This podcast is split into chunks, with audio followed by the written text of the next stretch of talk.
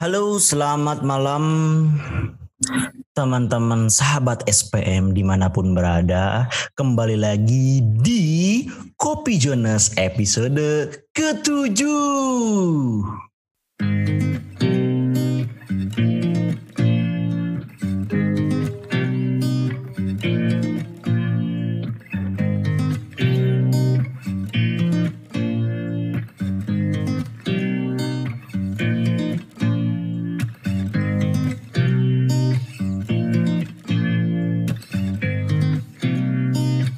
Pada episode ini ya sama kayak ya, minggu kemarin ya.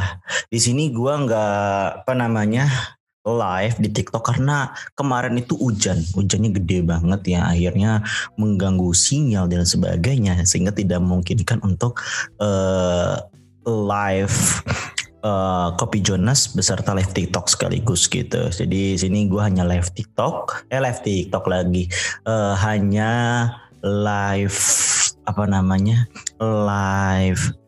Nggak live juga sih jadi cuma recording dari Kopi Jonas tersendiri ini gitu loh.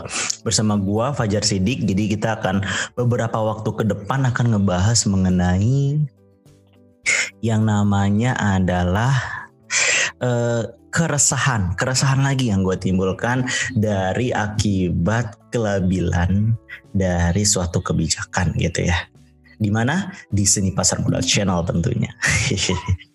Jadi kalau yang belum subscribe di video uh, di video di YouTube silahkan subscribe di YouTube ya. Kalau di tempat yang lain ada di Instagram @seni_pasar_modal underscore gitu.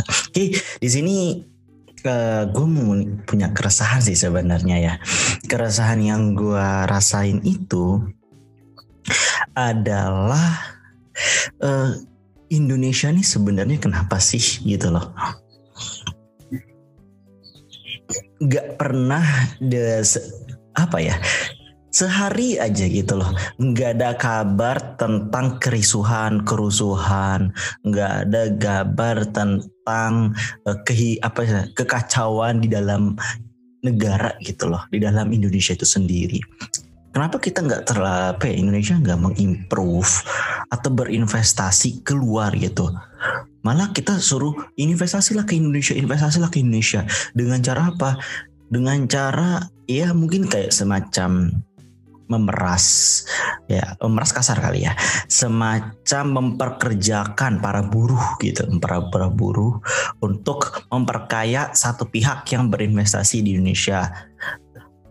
Kalau keuntungannya dirasakan oleh Indonesia, artinya ada pajak yang diterima di sana, yang lebih besar dan lain sebagainya, itu ya oke-oke aja. Tapi di sini ternyata ada kebijakan tentang tax amnesty dua, pengampunan pajak, biar orang asing atau investasi uh, ya Indonesia yang di asing itu akan balik lagi ke Indonesia dan eh, kebijakan-kebijakan lainnya yang mempermudah untuk berinvestasi. Apakah salah?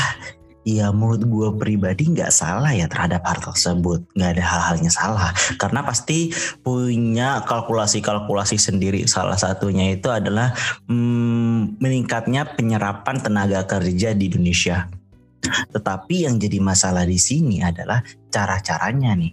Cara-caranya itu yang terkadang menurut kita ini baik loh. Tapi ternyata uh, dimanfaatkan oleh beberapa oknum ya akhirnya ah kayak gini istilahnya. Kalau lu butuh sama orang pasti orang itu kayak bertingkah gitu loh.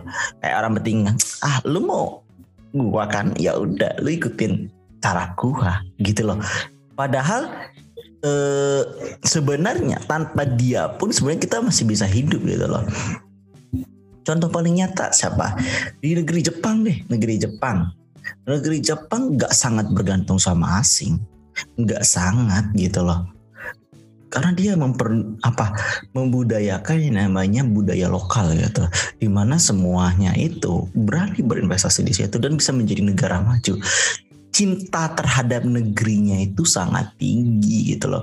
Terlepas dari uh, eh, gue nggak tahu kalau masalah kisruh kisruh kisruh yang ada di uh, setiap negara itu apakah sama case-nya kayak di Indonesia, I don't know gitu ya. Tapi yang jelas uh, terlalu exposure-nya itu ke situ gitu loh. Kenapa kita nggak berapa ya nanya? Uh, seperti ini, seperti exposure yang berlebihan itu maksudnya misalkan terhadap suatu kebijakan A ataupun terhadap suatu pejabat A gitu. Lalu selama beberapa hari akan selalu dibahas mau di berita apa ataupun di mana pun itu ngebahas tentang si case itu tentang kasus itu. Padahal kan ya udah sekali berita udah selesai gitu loh. Kita ngebahas yang lain gitu loh. Kenapa menurut gua pribadi nih ya kenapa Indonesia nggak maju-maju? Ya karena yang diberitain ya case terus. Kenapa nggak diberitain tentang yang prestasi? Kenapa yang nggak diberitakan itu tentang inovasi kayak gitu loh? Ya akhirnya membuka wawasan orang yang akhirnya me, apa ya memberikan mungkin memberikan inspirasi orang. Oh bisa kayak gitu ya. Terus dia dicoba deh di sini gitu loh kenapa nggak gitu gitu loh kenapa selalu berkutat dengan yang namanya masalah-masalah masalah Apakah salah? Ya menurut gue nggak salah, tetapi ada kadarnya gitu loh. Bukan yang berlarut-larut berhari-hari memberitakan tentang hal tersebut. Kalau gitu kita nggak bakal maju-maju gitu loh. Karena ya pola pikir masyarakatnya ya udahlah Indonesia bermasalah juga ngapain nih investasi di Indonesia deh? Atau taruh uang gue di Indonesia gitu loh. Mendingan gue taruh uang gue di luar negeri aja lebih aman. Ya mungkin kayak forex dan sebagainya atau bitcoin yang lebih aman gitu loh. Di Indonesia ah bahaya deh gitu. Pola pikirnya ke sana jadi tujuannya gitu loh. Kenapa? Ya tadi berita exposure-nya itu terlalu berlebihan nggak pada kadarnya gitu gue termasuk yang ya risih makanya gue nggak terlalu suka baca berita ya berita yang di televisi ya gue nggak terlalu suka aku kayak bapak-bapak ya baca berita ya. Tapi ya emang kenyataannya gitu sih. Kalau kita pengen jadi investor, ya kita harus rajin-rajin baca berita. Tapi berita untuk di televisi sendiri udah sangat jarang banget. Ataupun acara televisi pun udah sangat jarang banget gue nonton. Karena itu nggak mungkin kadar pendidikannya gitu pendidikan untuk warganya atau untuk gue pribadi yang gue rasain dari 1 sampai 10 mungkin nilainya cuma satu atau dua gitu loh sisanya itu enggak memang ada beberapa televisi yang memang mengajarkan pendidikan Contoh yang mengajarkan pendidikan itu mungkin kayak TVRI gitu kan mengajarkan pendidikan gitulah. Ada program-programnya yang mengajarkan tentang tersebut. Tapi kebanyakan yang lain itu ya nggak terlalu gitu loh ya semoga lah ke depan itu bakal berubah ya. Mungkin sekarang budayanya emang kayak gitu. Karena akan selalu berimprove kan. Hidup itu akan dinamis dan akan selalu berubah. Mengikuti perkembangan zaman dan budaya. Gitu. Jadi uh, gue harapnya sih kayak gitu ya. Uh, apa namanya. Jangan berita terlalu berlebihan lah. Karena bagi para penikmat televisi yang istilahnya susah sinyal nih di daerah di daerah, daerah sana gitu itu akan sangat berdampak. Pola pikir mereka itu akan berbeda gitu. Gimana kita memajukan investasi Indonesia kalau kita nggak mencerahkan bangsa sendiri? Kita nggak mencerahkan bangsa sendiri. Salah satu yang paling nyata gini deh. yang paling nyata itu adalah uh, ini gue sedikit sebenarnya bahaya ya, tapi nggak apa-apa sih. Ini berita emang udah ada di berita ini ya. Yaitu adalah uh, suatu kebijakan tentang miras. Itu dibuat ya, suatu kebijakan tentang miras itu dibuat dan disahkan. Oke, okay? dibuat dan disahkan itu. Lalu setelah dibuat dan disahkan, sebelum dibuat dan disahkan, pastikan dikaji dulu nih oleh para ahli. Kenapa hmm, dan menyusun uh, peraturan-peraturannya, ayat-ayatnya seperti ABCDE dan sebagainya macamnya gitu loh ya. Kemudian setelah disahkan, ternyata kebijakan miras ini berefek langsung terhadap yang namanya emiten miras. Blue naik seketika. investor yang nggak peduli tentang hal dan haram pasti akan tok naik masuk ke situ. Investor Indonesia, maksudnya investor Indonesia ya, akan masuk ke situ. Jebret. Hantaman sana sana sana sini sini masukkan sana sana sini akhirnya keluarlah kebijakan baru mencabut kebijakan lama. Dalam waktu tempo kurang dari satu bulan gitu. Atau bahkan kurang dari satu minggu kali ya.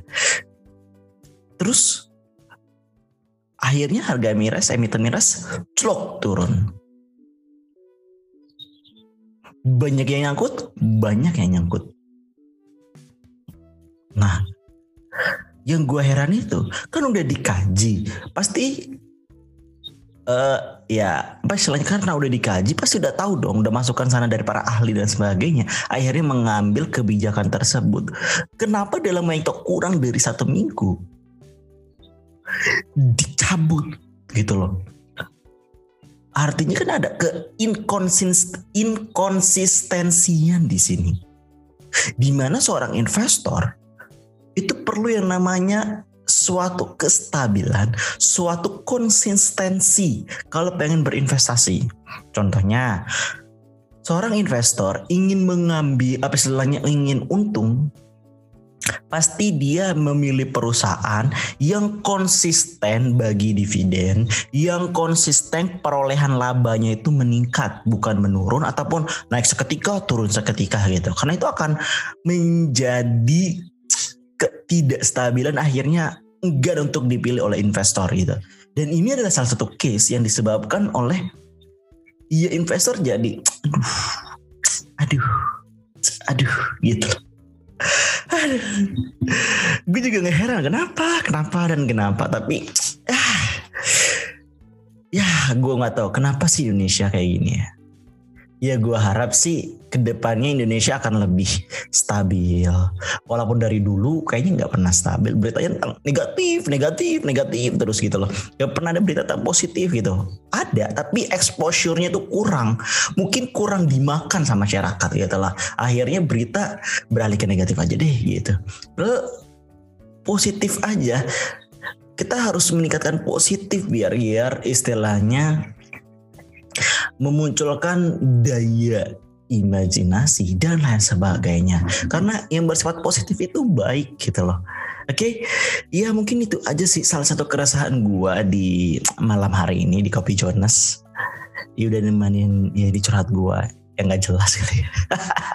Tapi ya, is okay lah. Thank you sahabat SPM yang udah uh, terus dari tadi sahabat SPM di Kopi Jonas episode ke-7. Jadi bagi yang pengen pantengin terus sahabat SPM itu bisa uh, dengarkan di Spotify.fm ataupun bisa di YouTube di Seni Pasar Modal. Oke, okay? thank you. Selamat malam minggu dan see you. Bye bye.